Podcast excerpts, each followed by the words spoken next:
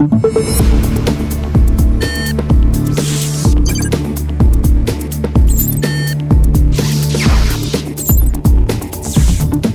akıl. Bu bir tekrar yayınıdır. Merhaba Türkiye, hoş geldin Elif Yılmaz. Hoş bulduk İnan Aran. Geçen hafta Güzel Akıl Zeki Enes Akkan'la gerçekleşti. Bu hafta Elif Yılmaz yine aramızda. Evet geri döndüm. Zeki Enes Akkan'a teşekkürler. Çok teşekkür ediyoruz katkıları için. O halde Güzel Akıl bölüm 14 başlıyor. Bakalım bu hafta gündemde neler var, neler olmuş. Bir tanıtımımız var onu dinleyelim önce. Güzel akılda bu hafta. Migren neden kadınları kurban seçiyor? Bu da beynin oyunlarından biri mi? Bazen uysal, bazen hoyrat. Kasırganın ruh hali neye bağlı? Nedir kasırgayı deliye çeviren? Minik meraklı takipte. Mars'tan ilk görüntüler yayında. Meraklı tırmanışa hazır. Neandertaller ölmedi, içimizde yaşıyor. Atalarımız ellerini modern insanlardan çabuk tutmuş olabilir mi? Mükemmel baskıya hazır mısınız? Renkler hiç bu kadar canlı, baskı hiç bu kadar kaliteli olmamıştı. Bir ortaklığa daha adım adım. Facebook, Instagram birleşmesinde sona yaklaşıldı. Hipersonic Jet Wave Rider havalandı, uçtu, uçtu, sonra başına neler geldi dersiniz? Adobe Flash Player tarihe mi karışıyor? Android telefon kullanıcıları flashsız dünyada yola kiminle devam edecekler? Bilim ve teknoloji tarihinde bu hafta neler oldu? Cahillikler köşesi ve bir portre. Albert Einstein kimdi? Tüm zamanların en zeki insanı hangi başarıların ve başarısızlıkların altına imza atmıştı? Onu bu denli önemli kılan neydi? Beyni gerçekten herkesinkinden farklı mıydı? Güzel akıl. Haberlerle başlayalım yine. Başlayalım. Kadınlar istemeseler de bu yarışta erkekleri geride bıraktılar. Hangi yarış bu? Kadınlarda migren görülme sıklığı erkeklerden 3 kat fazla. Genel kadın nüfusu içinde ise migren ağrısı çekenlerin oranı %18. Boston Çocuk Hastanesi ve Harvard Tıp Fakültesinden araştırmacılar toplam 44 kadın ve erkekle bir çalışma yaptılar. Katılımcıların yarısı migren ağrısı çekenlerden oluşuyordu. Araştırmada iki set veriden yararlanıldı. İlkinde beynin şekli ve özellikleri, diğerinde beynin etkinliğinin ölçümlenmesi baz alındı. Migrenden muzdarip kadınlarda beynin iki bölgesinde gri maddede hafif bir kalınlaşma saptandı. Migren ağrısı çekmeyen kadın ve erkeklerde hatta migreni olan erkeklerde bile bu kalınlaşma gözlemlenmedi. Bu arada bu beyin taramaları denekler migren ağrısı çekmiyorken yapılmıştı. Daha sonra deneklerin ellerine kısa aralıklarla sıcak metal kahve kupaları verildi. Canları yansın diye. Evet o acıyı hissetsinler diye. Yapılan ölçümde beyinde kalınlaşma saptanan bölgelerin iletişime geçip acıyı ya da ağrıyı birlikte karşıladıkları görüldü. Migreni olan erkeklerde ise ağrıyla birlikte en fazla etkinlik nükleus accumbens'te ölçüldü. Hassas bir yer orası. Evet, beyinde ödül bölgesi olarak da kabul edilen nükleus accumbens aynı zamanda bağımlılarda da aynı şekilde etkinlik gösteriyor. Henüz bu farklılığın nedeni bilinmiyor ama en azından ağrının beyinde işleniş mekanizması çözüldüğünde ağrıyı gidermede daha etkili ilaçların üretileceği söyleniyor. Yakında zımba gibi ağrı kesicilerimiz olabilir diyorsun. Olabilir migren çok felaket bir şey çünkü çeken bilir de- derler ya. Evet. O tür bir ağrı. Umarım daha iyi ilaçlar üretilir. Umalım. İkinci haberimiz nedir? İkinci haber kasırgalarla ilgili. Sonunda kasırgaları neyin azdırdığı bulundu. nedir o? Tatlı su. Biz pek hissetmiyoruz ama okyanusa kıyısı olan ülkelerin en büyük dertlerinden biri kasırgalar. Her yıl binlerce insan ölüyor, binalar, köprüler, barajlar yıkılıyor. Ve işin kötüsü kasırga göz göre göre geliyor. Tabi haberlerde söylüyorlar işte Katerina kasırgası geliyor. Geliyor değil mi? Aslında biraz da sürprizli bir olay kasırga. Kimi zaman kim yerde çok etkili olurken kimi zaman da beklenen şiddette olmuyor. Proceedings of the National Academy of Science dergisinde yayımlanan makaleye göre okyanus bilimciler ve meteorologlar bu işin peşinde. İlk kez 2008'de Omar kasırgasında fark ettikleri bir şeyin izini sürüyorlar. İşe daha önce kaydedilmiş 600 kasırgaya ait verileri incelemekle başlıyorlar. Görüyorlar ki güçlü kasırga rüzgarları okyanus üzerinden geçerken suları da etkiliyor ve tabandaki soğuk suyu yüzeye çıkarıyor. Bu karşılıklı hareket hem okyanusu hem de kasırgayı soğutuyor. Oysa kasırga ısıdan besleniyor ve böyle bir durumda şiddeti biraz kırılıyor. Ne kadar sıcak o kadar enerjik. Evet, o kadar şiddetli. Bu iyi bir şey tabii, şiddetin kırılması. Ama bazen devreye beklenmedik bir kaçak giriyor ve bütün denge alt üst oluyor. Hangi nedir o kaçak? Büyük nehirlerden gelen ya da şiddetli yağmurlarla oluşan bir tatlı su akıntısı o sırada civardan geçiyorsa soğuk suyu bastırıp yüzeye çıkmasını engelliyor. Tuz oranında düşük olan tatlı suyun kasırga şiddetini %50 arttırdığı hesaplanıyor. Çok önemli bir oran. Çok büyük bir çarpan evet. Bundan sonra bu veri ışığında hangi kasırganın daha yıkıcı olacağı, hangisinden çok da fazla korkmaya gerek olmayacağı daha kolay anlaşılabilecek. Peki bekleyelim. Bu Bekleyelim. e, merak var yolladık NASA'ya. Ben çok merak ediyorum. Na- ne yapıyor orada o? Ya bu da enteresan. Çünkü hatırlarsan o Obama hükümetinin e, kesintileriyle ilgili konuşulurken NASA'da okka altına gideceklerden biriydi. Evet. Hatta uzay araştırmalarını durdurdu durduracak derken sen de söylediğin gibi önceki hafta kızıl gezegen Mars'a bir sonda gönderildi. Evet. E, İngilizcesi Curiosity, merak adlı araç gezegene başarılı inişini gerçekleştirdi. Siz bunun haberini verdiniz. Geçen hafta ben dinledim. Herkes merakın ne bulacağını merak ediyor senin gibi. Bu nedenle de dünyaya göndereceği görüntüler önemli. Geçen hafta ilk görüntüler geldi nihayet. Ya aslında bana çok tanıdık geldi. Sanki dünyada da henüz yerleşimin olmadığı dağlık, tepelik, kırsal arazilere benziyor. Öyle demedin ama yayından önce onu söylesene. Bizi kandırıyorlar. Kandırıyor olabilirler bilemiyoruz. Ama tabii uzmanlar fotoğrafları bizden farklı okuyorlar. Mutlaka. Tepelerin eteklerindeki krater benzeri yapıların arkasında sular tarafından oyulmuş vadiler olabileceğini düşünüyorlar. Su önemli tabii. Gezegende yaşam olup olmadığı belki de buna bağlı. Ne yapacak merak orada? Ee, merak orada öncelikle veri toplayacak ve bir takım e, fotoğraflar yollayacak dünyaya. Yakıtını nükleer enerjiden sağlayan merakı zor bir görev bekliyor. 5 kilometre yüksekliğindeki Şarp Dağı'na tırmanmak. 5 kilometre de ciddi bir mesafe. bayağı Küçücük ağrı. bayağı oyuncak Ağrı araba gibi bir kadar. şeyden bahsediyoruz. 5 kilometre tırmanacak. Peki neden merakı böyle zorluyorlar? Çünkü Şarp Dağı'nda 1 milyar yıllık çökelti katmanlarının bulunduğu düşünülüyor. Merak bu varsayımı doğrulayan bulgulara erişebilirse insanlı uçuş kaçınılmaz olacak Mars'a.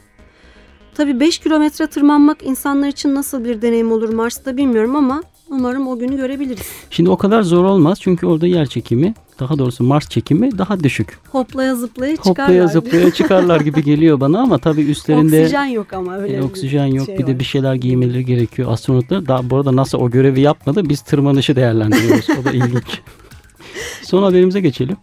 Son haber Neandertallerle ilgili. Ne- Nedir nedir bu Neandertallerin insanlardan? Vallahi bilmiyorum. Türü tüketmişiz. Hikayesini de hırpalıyoruz şimdi. Evet birkaç hafta önce Neandertallerin yeryüzünden silinmesinin süper yanardağ patlaması sonucu oluşan iklim değişikliğinin değil, modern insanın marifeti olduğu yönünde güçlü kanıtlara rastlandığının haberini vermiştik.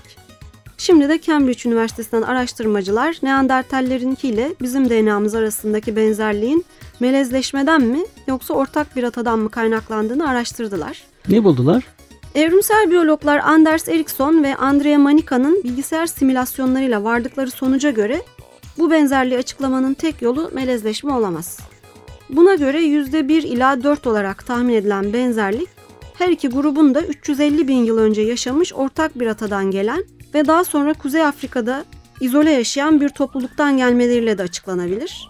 Modern insanın 60-70 bin yıl önce Afrika'dan çıkıp diğer kıtalara yayıldığı biliniyor. Tabii onun şarkısı var. Mother Africa. Eğer bu yeni tez doğruysa Afrika'dan çıktığımızda bu genetik benzerliği taşıyorduk demektir. Çalışma Neandertallerle modern Avrupalı, Doğu Asyalı ve Okyanusyalıların genomları arasında polimorfizm denen ortak genetik imza olduğunu gösteriyor. Fakat modern Afrikalılarla bu benzerlik görülmüyor. Afrika'dan çıktıktan sonra mı melezleştik yoksa bunu bizim için çok daha önce yapan atalarımız var mıydı? Bu soru çok tartışılacağı benziyor çünkü bu yeni bulgulara karşı çıkanlar da çok. Bilim haberlerinin sonuna geldik. Peki o halde müzik dinleyelim. Revolution Boyd, Weekend Amnesia.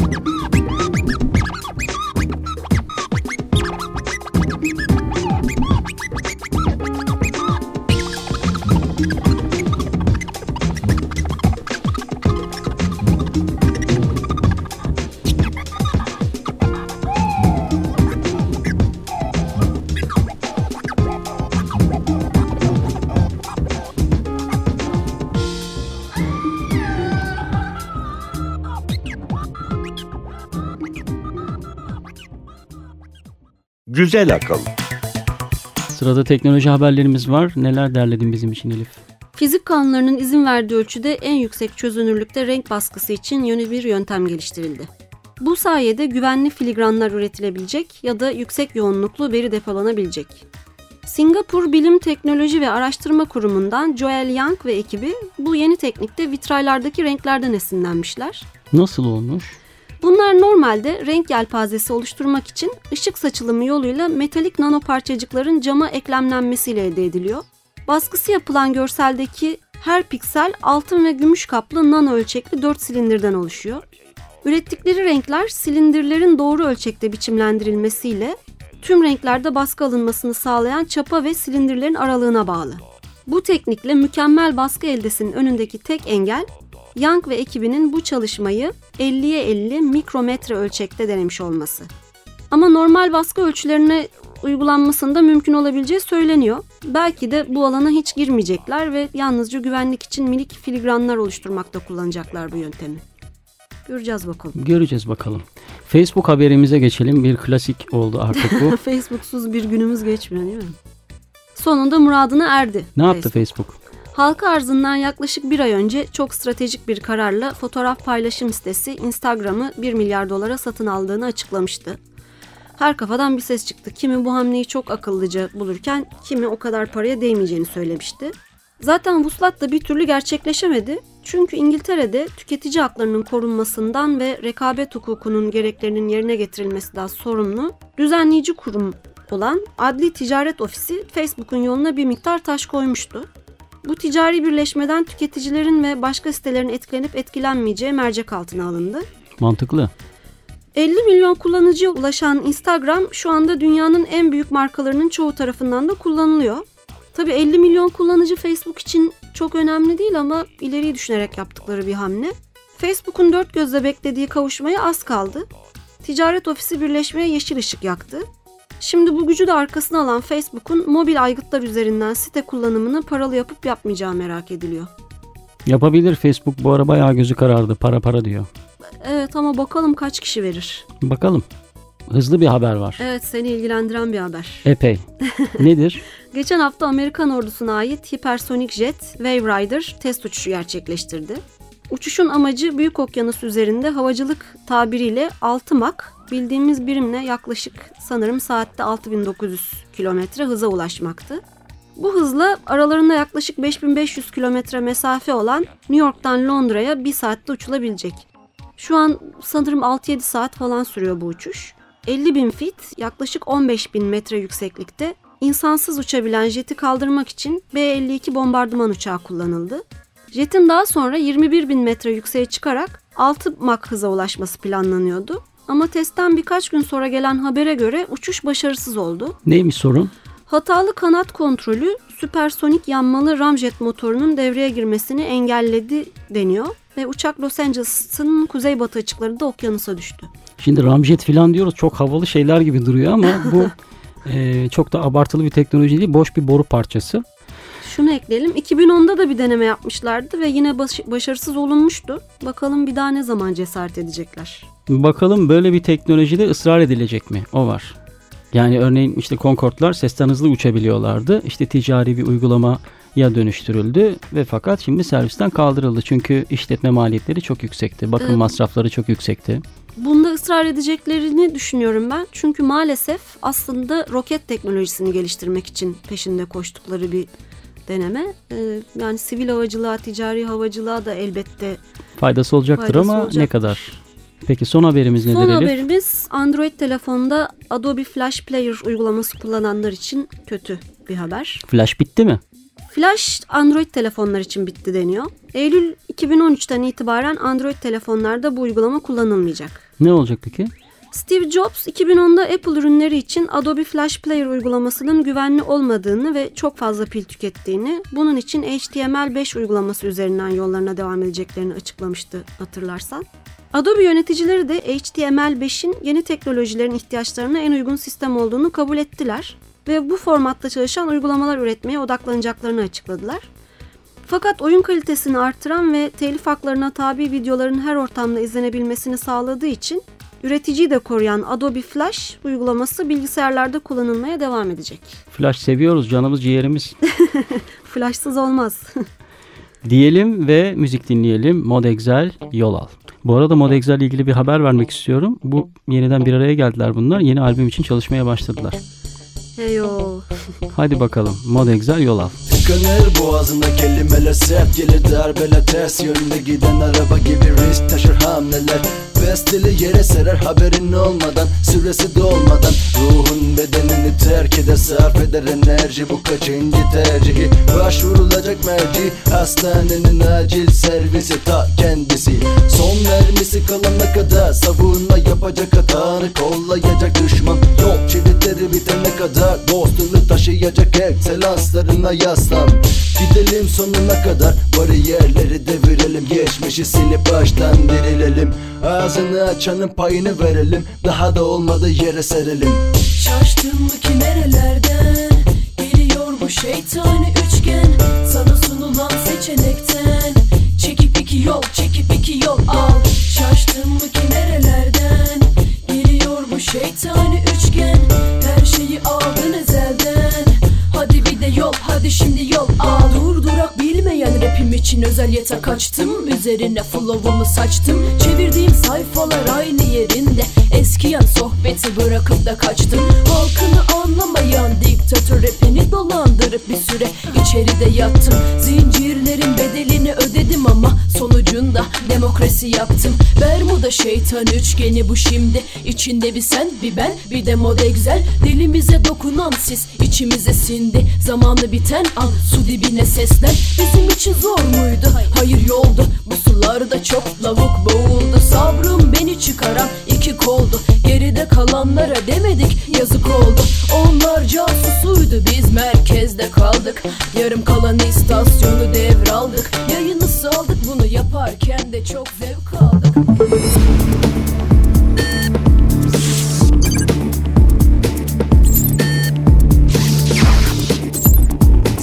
Güzel akıl devam ediyor. Bu bir tekrar yayınıdır. Bilim ve teknoloji tarihine göz atalım. Derhal. Bilim tarihinde bu hafta. 13 Ağustos 1913. İlk paslanmaz çelik Sheffield, İngiltere'de döküldü. Çelik alaşımı %0,24 karbon ve %12,8 krom içeriyordu.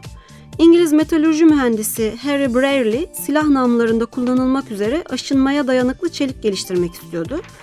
Çeliğin tane yapısını mikroskop altında incelemek için önce asitle aşındırması gerekiyordu. Nitrik asit bazlı aşındırma ayracı kullandı ve bu yeni çeliğin kimyasallara dayanıklı olduğunu gördü. Daha sonra sirke ve limon suyu gibi diğer gıda asitlerini denedi. Sonuç aynıydı. Öngörüsü yüksek Brierley bu yeni çeliğin çatal bıçak üretiminde de devrim yaratacağını anlamakta gecikmedi. Ve tabii tencere. Doğru. 14 Ağustos 1994 Hubble Uzay Teleskobu Uranüs'ü halkalarıyla ve iç uydularıyla görüntülemeyi başardı. Hubble yaklaşık 10 yıl önce gezegene ilişkin kısıtlı görüntüler elde edebilen Voyager 2'nin ardından gökbilimcilere ayrıntılı inceleme yapma fırsatı verdi. 15 Ağustos 1994 Amerikan Standart ve Teknoloji Enstitüsü atomların 700 nanokelvine kadar soğutulduğunu açıkladı. Bu bugüne değin madde için ölçülen en düşük sıcaklık oldu. 1 Kelvin mutlak sıcaklık olan eksi 273,15 santigrat dereceye eşit. Yani mutlak sıcaklıktan 7 milyar daha düşük bir sıcaklığa erişildi. Bu olabilecek en düşük sıcaklık. Evet bunu Daha ölçmüşler. Daha soğuk olmuyor hiçbir şey. 16 Ağustos 2003 Ottawa, Kanada'da yapılan Uluslararası Temel ve Uygulamalı Kimya Birliği toplantısında atom numarası 110 olan elemente Darmstadtium adı verildi. DS simgesiyle gösterilen Darmstadtium ilk olarak 1994'te Dr. Jorge Rigol ve ekibi tarafından sentezlenmiş, kurşun bir hedefin nikel atomlarıyla bombardımana tutulması sonucu oluşan nükleer füzyon ile elde edilmişti. Laboratuvarın bulunduğu yer olan Almanya'daki Darmstadt kenti anısına elemente bu ad verildi. 17 Ağustos 1877 Amerikalı gökbilimci Asaph Hall Mars'ın uydusu Phobos'u keşfetti. Hall aynı zamanda Mars'ın diğer uydusu olan Deimos'u da keşfeden, Satürn'ün dönüşünü, Mars'ın kütlesini ve diğer gezegenlere ait uydularla çift yıldızların yörüngelerini de tespit eden kişi oldu. 18 Ağustos 1868 Fransız gökbilimci Pierre Janssen güneş tutulmasını gözlemlerken 587.49 nanometre dalga boyunda Güneşin kromosfer spektrumunda sarı bir hat fark etti. Bunun henüz dünyada keşfedilmemiş bir element olduğunu düşünen Jansen'ın gözlemi 20 Ekim'de İngiliz gökbilimci Norman Lockyer tarafından doğrulandı ve elemente Yunanca güneş anlamına gelen Helios sözcüğünden esinlenerek helyum adı verildi. Balonlara basıyoruz biliyorsun. Aha evet. Bir de talk show'larda kullanılıyor. Bir de helyum tükenmek üzere ve epey pahalı bir malzeme diyelim ve son haber neydi onu şey yapalım. 19 Ağustos 1887. Ünlü Rus kimyager Dimitri Ivanovich Mendeleev, güneş tutulmasını gözlemlemek için bir balona atlayıp tek başına 3500 metre havalandı. Daha önce balonla hiçbir tecrübesi bulunmayan Mendeleev, ancak gözlemini tamamladıktan sonra inişi düşünmeye başladı. Ailesini de çok endişelendiren bu denemeden alnının akıyla çıkmayı başaran Mendeleev, bilindiği üzere elementlerin periyodik tablosunun kaşifi, ama aynı zamanda Rusya'daki kömür, tuz, madenler ve petrol gibi doğal kaynaklara da kafayı takmış biriydi. Şimdi sırada cahillikler köşesi var, onu dinleyelim.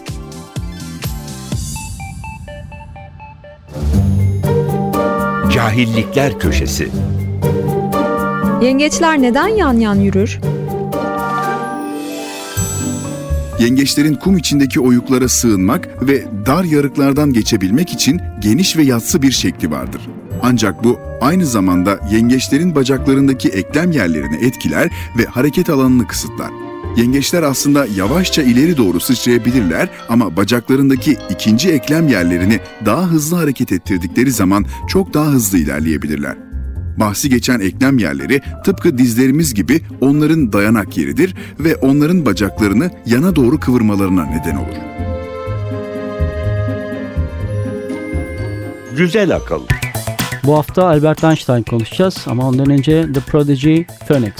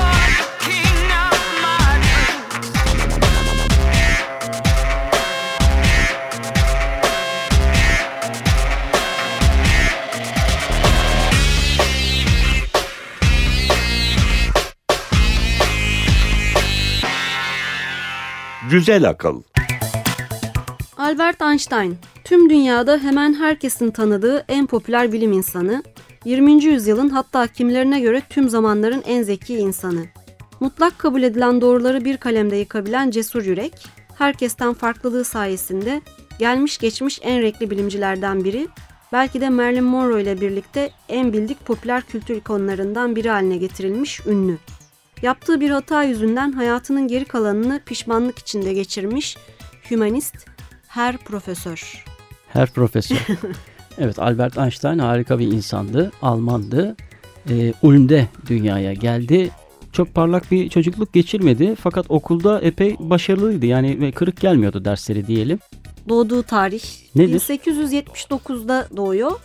Doğduğu tarih kritik aslında çünkü 8 yıl öncesinde yani 1871'e kadar Yahudiler tam olarak Alman vatandaşı sayılmadıkları için Almanlarla aynı haklardan faydalanamıyor, üniversite eğitimi bile alamıyorlardı.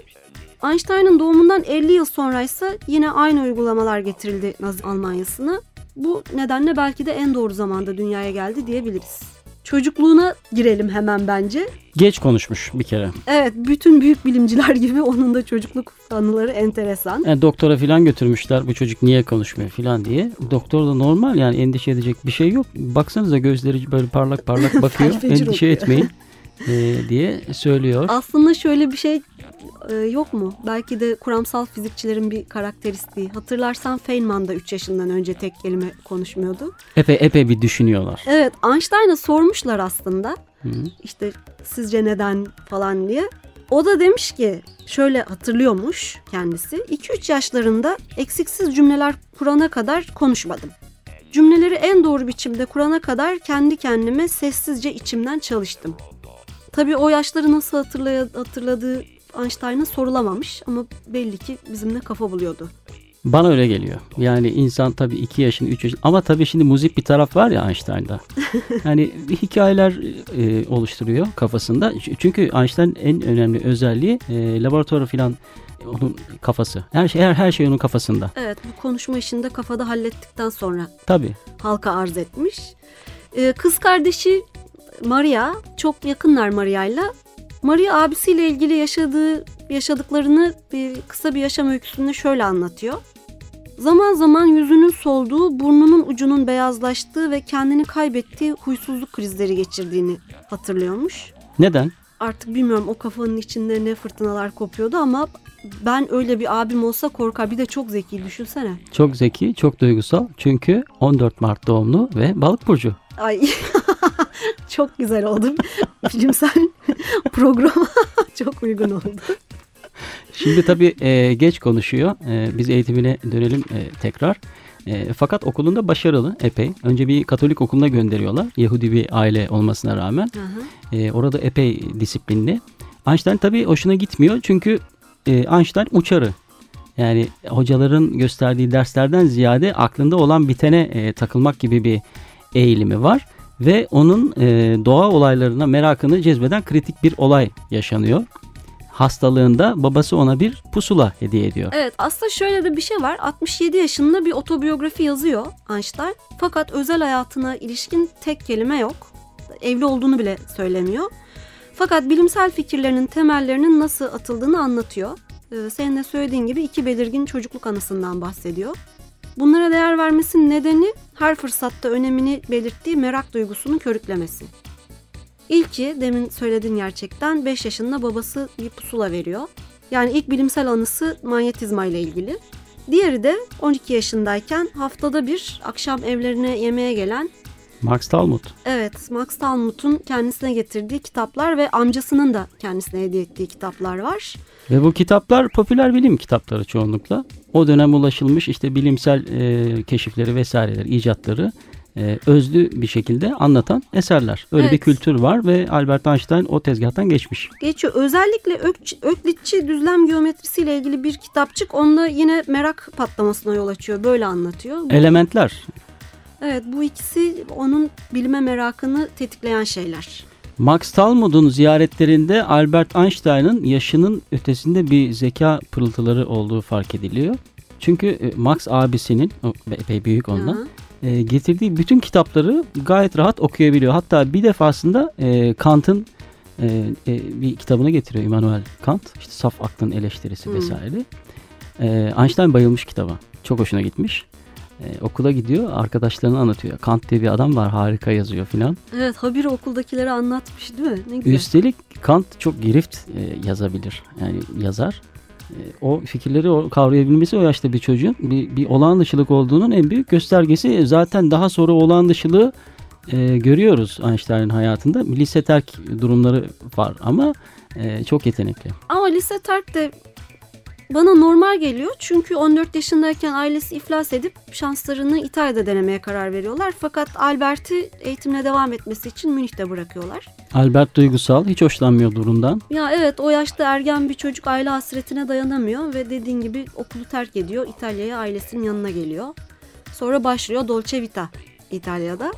Bir Çünkü- artık tabii Albert artık o yaşlarda böyle bir genç bir delikanlılık işte kızlar Ee, şey akşam üstü sefaları, işte çaylar, kahveler, likörler vesaireler. Evet ailesini e, Zürih'teki Politeknik Okulu'nun sınavlarına hazırlanmak üzere çalışacağına ikna ediyor. Hem çalışıyor hem de işte artık haytalık yapıyor ama tabii zeki insanın hali başka. Zeki insanın haytalığı da başka olur. o da doğru. Birkaç badireden sonra e, yaşı tutmamasına rağmen okula kabul ediliyor. Ediliyor. bölümüne. Buradaki günleri de hem çok verimli hem de eğlenceli geçiyor. Dersleri pek sallamıyor. Sadece sevdiği hocaların derslerine giriyor çünkü devam zorunluluğu yok ve merak ettiği konularla ilgileniyor. Bu Tabii. sırada sınıf arkadaşı Mileva Marice de gönlünü kaptırıyor. Evet romantik bir durumlar gelişiyor. Einstein derslere girmiyor, sınavlara girmiyor. Mileva ile sağda solda fizik konuşuyor bu arada.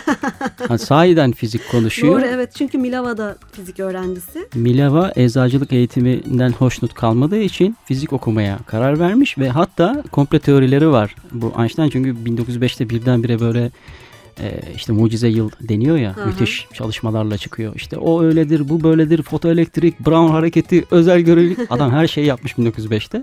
Bunları Mileva yaptı diyorlar. Mileva yaptı mı bilmiyorum ama e, makalelerine çok büyük katkısı olduğu söyleniyor. Kanıtlanmış bir şey yok ama olabilir ya. Niye olmasın? Beslen, beslenir yani iki insan birbirinden. Tabii ama kredi yok ortada hani E, beslenir tabii de kadının kadının kadının adı yok. doğru maalesef kaderi. 1905 senesine biz gelelim o zaman biraz hızlı. O arada tabii bir işte patent ofisindeki maceralar, iş bulamaması, uzun süre vatansız kalması. İş bulamamasının sebebini de söyleyelim bence buradan. Söyleyelim Çünkü- nedir o? Hocalarına papuç kadar dil çıkarıyor. Bazı hocalarla arası hiç iyi değil, yıldızı barışmıyor. Üniversitede kalmak istemesine rağmen asistan olarak hocalardan kötü referans aldığı için buna kapıyı gösteriyorlar. Ama şu saate kadar sen gördün mü zeka ile başı derde girmemiş, otoriteyle başı derde girmemiş zeka hiç gördün mü? Var mı öyle bir şey? Görmedim, Zeka inat, görmek iste görmek de istemem aslında yani. zeki adamların hakikaten yöneticilerle, otoriteyle, disiplinle böyle bir sıkıntısı Ele oluyor. avuca gelmez bir şey çünkü zeka yani özüne aykırı herhalde. O halde bir müzik arası verelim. Verelim. The Apples Buzzing About.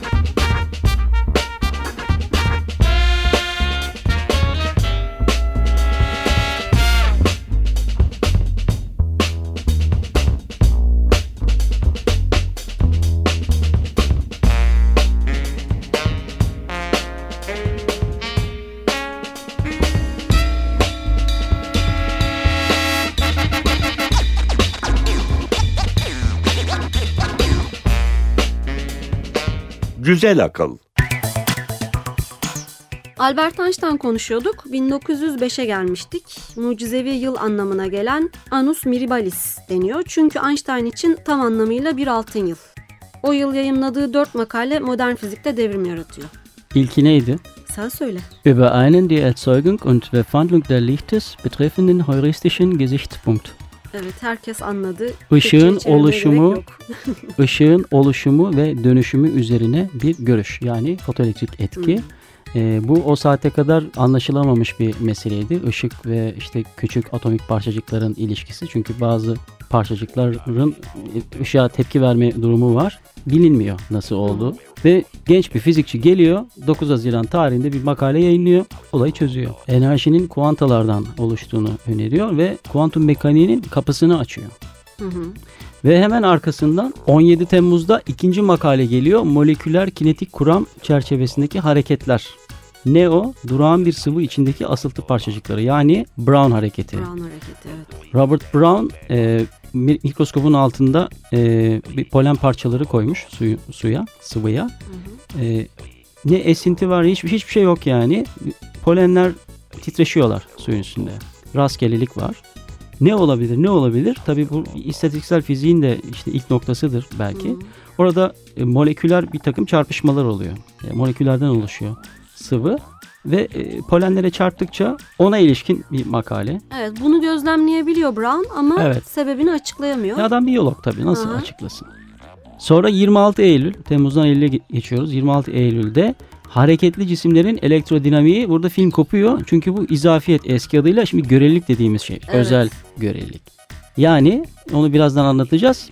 De son makalede söyleyeyim 21 Kasım'da kütle enerji eşitliğine ilişkin makale geliyor. Evet hepsi gerçekten birbirinden önemli, birbirinden büyük makaleler ve bir yıl içinde yazıyor bunlar. Evet birkaç ay içinde yayınlıyor. Yayınlıyor evet aslında belki de tabii yazmak o kadar kısa süreli bir şey değildi. Tabii hazırlığını yapmış çünkü Einstein yani epey bir zaman çocukluğundan itibaren babası hatta pusula veriyor ya ona. Hı hı.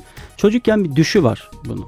Yani hayaller kuruyor. Diyor ki ışık kadar hızlı hareket etsem mesela nasıl görürdüm sağa solu filan. Böyle basit sorular var Hı. aklında ama yani yanıtı şimdi nasıl bulacaksın?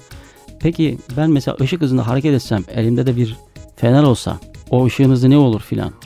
Şimdi biz biliyoruz ki şu saatte ben 10 kilometre saat hız yapıyor olsam arabanın üstünde. Sonra elimdeki cep telefonunu karşı istikrar sağa sola filan atsam onun da bir hızı olacak. O telefonun o son hızı ne olacak? Arabanın hızıyla benim o atış hızımı toplamamız gerekecek. Fakat hızlar yükseldiği zaman bu toplama işlemi anlamını kaybediyor. Çünkü ışık hızı sabittir gibi bir durum var ortada. Yani hiçbir şey ışıktan daha hızlı hareket edemiyor.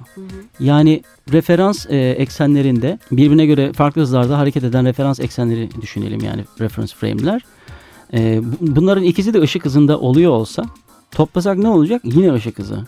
Yani dolayısıyla e, bizim bir mutlak zaman, mutlak mekan, gözlemcinin işte ölçümlediği hareket arasında bir ilişki, bir karışıklık var. Einstein'a kadar bu çok büyük bir problem oluşturmamış. Çünkü biz küçük ölçekte, küçük hızlarla çalışmışız hep ve Newton mekaniği bize fazla fazla yetmiş. Ama ne zaman ki hızları biraz daha büyük düşünmek gerekmiş, o saatte bunun bir matematiği, bir fiziği, bir ilişkisi olduğu ihtimali akla gelmiş ve bu konu sadece Einstein'ın aklında değil. Onun esinlendiği mesela Poincaré var Fransız fizikçi. Onun da aklından böyle şeyler geçiyor. Fakat noktayı tabii Einstein koymuş. Einstein koyuyor evet. Ee, artık önemli ve tanınmış bir bilim insanı oluyor.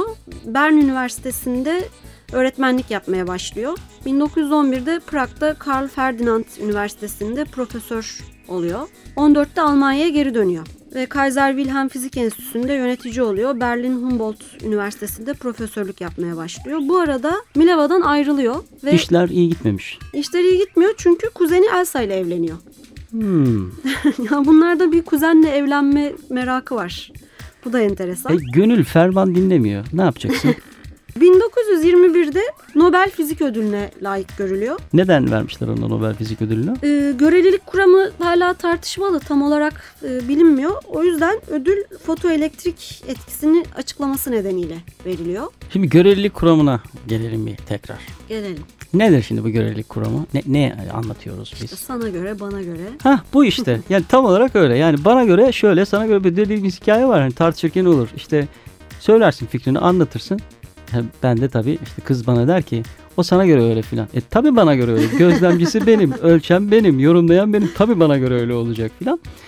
E Şimdi tabii e, Einstein e, tam olarak bunu anlatmıyor. E, bunun nesnelerle vesaireyle filan. Ama çocukken aklındaki düş bu. Ben ışık hızıyla hareket ediyor olsaydım civar bana nasıl görünecekti? Einstein ışığın peşinden koşmuş diyebilir miyiz? Yakalamış diyelim Yakalamış. hatta. Direkt yakalamış. Daha sonra e, şimdi bu özel görelilikten sonrası e, genel göreliğe geçiyor. Özel görelilikte sabit hızla hareket eden koordinat eksenlerinin birbirine göre ilişkisini, gözlemcinin işte olayı gözlemesi vesaire o şey aradaki e, matematiği görüyoruz. Lorentz dönüşümleri, takımları. Sonra genel görelilikte işin içine kütle karışmaya başlıyor. Kuvvet karışmaya başlıyor ve buradan kütle enerji ilişkisini bulmuş. Evet o döneme kadar kimse böyle bir e, ilişkinin varlığından söz etmiyor. Kütlenin ne olduğunu kimse bilmiyor Hı zaten. Bu adam geliyor enerjiyle doğrudan bir ilişkisini kuruyor ve bunun somut bir sonucu ve Einstein'ın hayatında kritik bir hataya dönüşmesi var. Hemen bahsetmiştik programın başında. Dilersen oraya gelelim. Nedir Einstein'ın en büyük hatası? Ha- hayatı boyunca vicdan azabı çektiği bir şey. Söylüyor da zaten diyor ben bir hata yaptım o da buydu. Nedir o? Evet atom bombası projesinin başlamasına ön ayak olması. Mektup yazıyor. Şöyle aslında Einstein'ın bir arkadaşı var. Leo, Leo Szilard. Hı hı. Szilard ve bir grup bilim insanı Amerika'yı uyarmaya çalışıyor. Nazilerin atom bombası yapmak üzere çalıştıkları konusunda. Fakat ciddiye alınmıyorlar. Einstein'a geliyor Szilard. Durumu anlatıyor, kaygılarını dile getiriyor. Einstein da tabii prestijli bir bilim insanı. Roosevelt'e mektup yazıyor ve Roosevelt bu mektubu ciddiye alıyor. Bundan sonra bu Manhattan projesi olarak bildiğimiz çalışma başlıyor. Ve Einstein da aslında daha sonrasında tıpkı Feynman gibi anlatmıştık. Bu işe ucundan kıyısından bulaşmış olduğu için çok büyük pişmanlık duyuyor. Ölümünden bir yıl önce de 1954'te arkadaşı Linus Pauling'e hayatının en büyük hatasının bu olduğunu söylüyor. Çok insan öldü ve tehlikeli bir teknoloji uygulamasının önü açıldı. Ee, Bir bilimcinin böyle bir şeye sebep olması büyük bir kırılma yaratır ruh halinde. Üstelik sevecen birisinden, sanatkar birisinden, duygusal birisinden bahsediyoruz. Evet burada. yani hümanist kişiliğiyle zaten çok ön planda olan biri. Bundan çok etkileniyor gerçekten. Ama aynı hümanist kişi çok değişik bir çalışmaya da imza atıyor. Nedir o? O yıllarda dönemin en büyük kuramsal fizikçilerinden biri olduğu halde bir şey onun mucit yönünü kaşıyor. Bir gün gazetede 7 çocuklu bir ailenin tüm fertlerinin buzdolabından sızan zehirli gaz yüzünden yaşamlarını kaybettiklerini okuyor. E, o yıllarda bu çok yaygın bir ölüm nedeni. E, Szilard da yakın görüştüğü bir genç bilim insanı. Szilard diyor ki usta biz niye buna bir çözüm bulamıyoruz? İnsan buzdolabı yüzünden ölür mü? Gel bunu çözelim. Evet, Einstein da peki diyor. 1925-26 kışında birlikte çalışıyorlar. Asorpsiyon buzdolabı adını verdikleri çok güvenli bir düzenek üretiyorlar. Ümit vadeden 3 tasarımla patent başvuruları yapıyorlar ve 6 ülkeden 45 patent alıyorlar. Patenti satın alan AB Electrolux firması buzdolabını üretiyor ama hiç tüketiciyle buluşmuyor.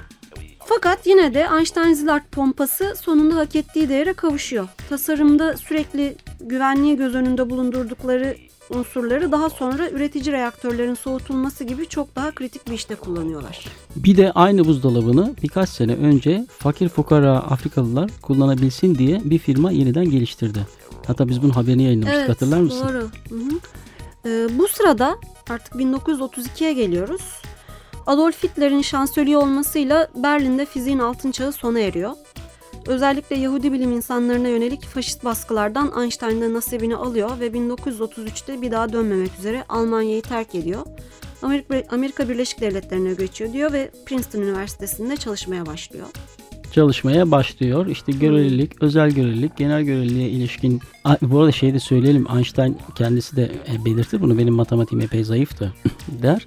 Ne zaman ki matematik açığını kapamaya başlıyor, daha iddialı, daha büyük kuramların peşinden e, koşuyor. Einstein nedir o? Birleşik alan alan kuramı. Hı hı. E, işte ne var ne yoksa hepsini izah edelim. Nasıl izah edelim? Basit izah edelim. Kolay olsun gibi e, bir çalışma ve hatalar yapıyor süreçte. Örneğin bir tanesi e, şu. Einstein evrenin sabit olduğunu e, düşünüyor ve Evet. kuramına kozmolojik sabit ekliyor. İşte aylarca yıllarca çalışıyor. Kozmolojik bir sabit yani bir tane sabit var her şey ona göre. Çünkü şöyle bir derdi var. Kuantum mekaniği de gelişmiş, ilerlemiş. Orada Heisenberg belirsizlikten vesaireden bahsediyor. Einstein evrenin böyle belirsizlik falan kaldırmayacağını söylüyor. Hatta meşhur da bir lafı var. Diyor ki o işler sizin öyle zannettiğiniz gibi değil. Tanrı Yani zar atmaz. zar atmaz. Hı hı. Yani bellidir işler. Ne öyle belirsiz işte bilmiyorum. Orada da olabilir, burada da olabilir. Böyle şey, Belirsizliğe inanmıyor doğru. inanmıyor. Kesinlikle inanmıyor. Ee, ve fakat kendi kuramına eklediği kozmolojik sabit de çok iyi çalışmıyor. Daha sonra onu oradan çıkartmak durumunda kalıyor ve asla kabul etmemiş kuantum mekaniğini. Hiç kabul etmemiş. Yani kurucularından sayılmasına rağmen bu kısmı çok hoşuma gidiyor. Tam bir duygu insanı. İnatçı biraz evet. Çok inatçı. Borla filan deliler gibi kavga ediyorlar.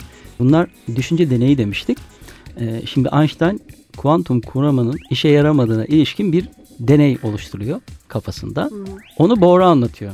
Bohr da her defasında karşısına çok zekice bir mizansen kurulmasına rağmen ustacım bak o öyle diyorsun ama bir de şu var diyerek onun her itirazını çürütmüş. Artık sonunda Einstein bıkmış bu işten ve şuna bağlamış işi. Demiş ki kuantum mekaniği fiziksel gerçekliği anlatmakta yetersiz olabilir. Olabilir. Olabilir. Or- oraya bağlamış. Yani bu bir editör tavrı var orada. Ama Bohr'la tartışmaları çok güzel aslında. Çok da ikisi için de ufuk açıcı olmuş. evet. Seviyorlar tartışmayı. Birlikte vakit geçirmeyi. Neyse bunlar e, Einstein'ın tabii çok önemli çalışmaları. Hepsi birbirinden değerli ve devrimsel niteliklerde onlarca çalışmayı 76 yıla sığdırıyor. Fakat 18 Nisan 1955'te hayata veda ediyor Einstein. Bir iç kanama geçirdikten sonra ameliyat olmayı reddediyor. Çünkü hayatı yapay biçimde uzatmanın kendisine göre olmadığını, zarif bir biçimde gitmek istediğini söylüyor. Evet. E, otopsisini yapan doktor Thomas Harvey kendini tutamayıp ailesinin izni olmadan Einstein'ın beynini çıkarıp saklıyor. Daha sonra aile izin veriyor sadece bilimsel çalışmalarda kullanılmak üzere. Üzerinde birçok araştırma yapılan beyinle ilgili bir takım farklılıklara rastlanıyor. Benim çok ilgimi çekti çünkü hep deriz ya işte Einstein'ın beyni bir incelense kim bilir neler çıkar diye. Neler Tabii çıkmış? yani yaşıyorken incelemek çok daha farklı olurdu eminim ama şöyle şeyler bulunuyor. Glia hücreleri denen ve beyinde e, asıl sinir hücrelerini destekleyen hücreler beynin sol yarısında olması gerekenden daha fazla çıkıyor.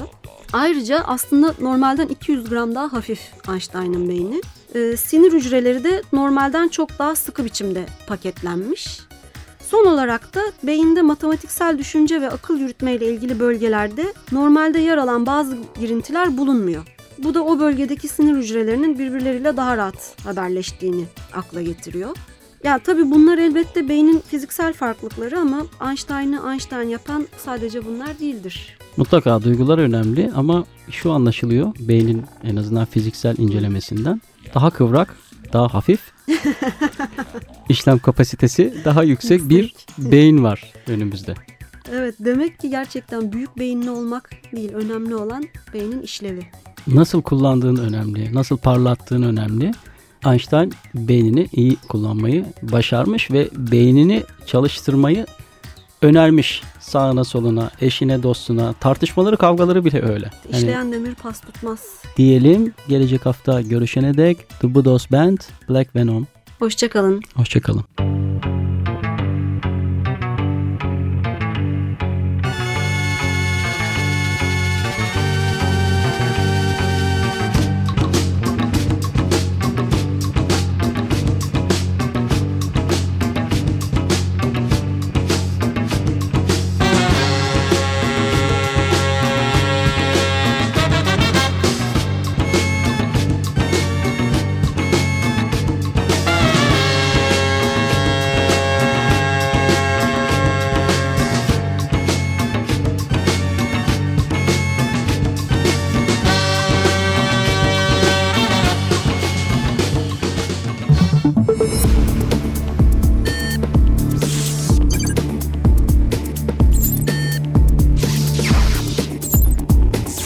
Güzel akıl sona erdi.